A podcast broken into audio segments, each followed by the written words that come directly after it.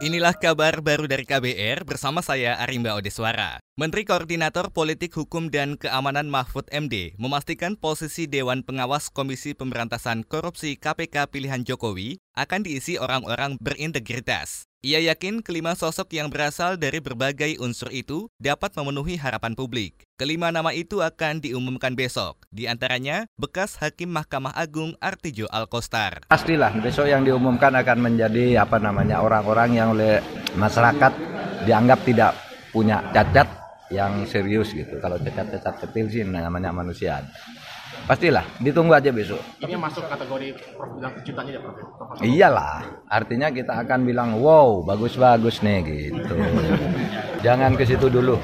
Nanti lihat aja kalau orangnya sudah berintegritas kan undang-undang akan menjadi lebih baik. Kalau tidak berintegritas Sebelumnya, Jokowi pernah menyebutkan sejumlah kriteria saat memilih lima anggota Dewas KPK, yaitu rekam jejak yang baik, berpengalaman di bidang hukum pidana, serta memahami audit pemeriksaan atas pengelolaan keuangan. Jokowi membentuk tim internal yang dipimpin Menteri Sekretaris Negara Pratikno untuk menyeleksi calon-calon Dewas KPK. Dewas akan dilantik berbarengan dengan Komisioner KPK periode 2019-2023 Jumat besok.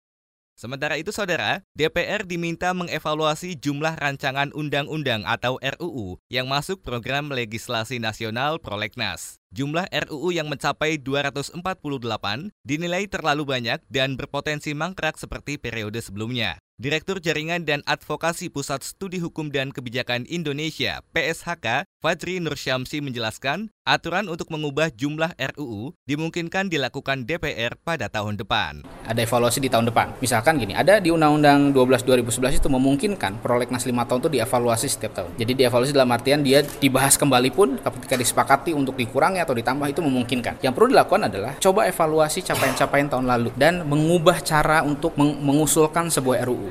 Fajri menduga banyaknya jumlah RUU dalam prolegnas karena ada praktik jatah di tiap komisi. Menurutnya, itu didasari karena ego tiap komisi untuk membuat undang-undang masih tinggi. Akibatnya, banyak RUU yang berpotensi tumpang tindih dan dinilai tidak perlu. Ia meminta DPR periode sekarang belajar dari pengalaman periode sebelumnya. Dari data Kementerian Hukum dan HAM, capaian kuantitas pengesahan RUU dalam prolegnas 2015 hingga 2019 sangat rendah. Dari 189 RUU yang masuk prolegnas, hanya 35 RUU atau sekitar 18 persen yang disahkan menjadi undang-undang.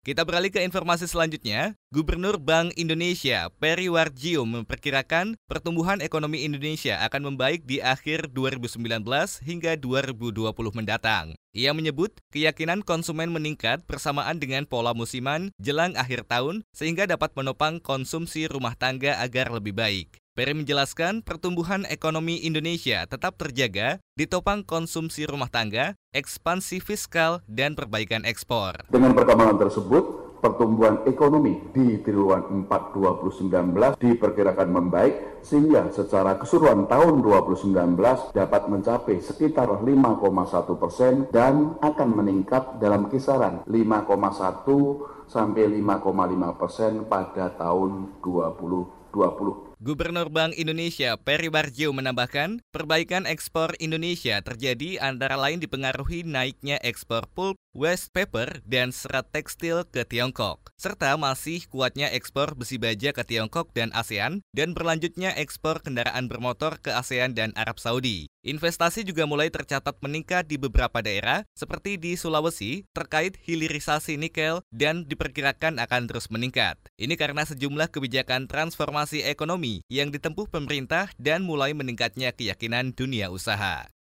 Kita menuju Papua, saudara. Kepolisian daerah Papua mengirim tim penyidik ke Kabupaten Yahukimo, Papua. Tim itu dikirim pasca kerusuhan antar sekelompok warga dan kepolisian di Dekai, ibu kota Yahukimo, Rabu kemarin. Saat itu, ada pihak tertentu yang membakar lapak-lapak pedagang di sekitar kota Dekai. Kapolda Papua, Paulus Waterpau menduga ada pihak-pihak tertentu yang memanfaatkan situasi di Yahukimo pasca kerusuhan. Pengiriman tim untuk membantu mengungkap pelaku utama. Tadi pagi Kapolres lapor situasi tetap terkendali. Jadi dugaan saya memang ada yang sengaja mencoba apa memanfaatkan ruang yang ada gitu. Siapa yang berbuat dia tanggung jawab. Ini negara hukum, begitu aja. Akibat kerusuhan antar warga dan polisi di Yahukimo, seorang anggota Brimo Polda Riau yang diperbantukan melakukan pengamanan di Papua bernama Hendra Saud Sibarani tewas akibat dianiaya sekelompok warga. Selain itu, anggota Polres Yahukimo bernama Agustinus Nabuluka di bagian telinga sebelah kanan akibat terkena lembaran batu. Korban meninggal telah dikirim ke kampung halamannya di Kepulauan Riau untuk dimakamkan hari ini. Demikian kabar baru dari KBR, saya Arimba Odeswara.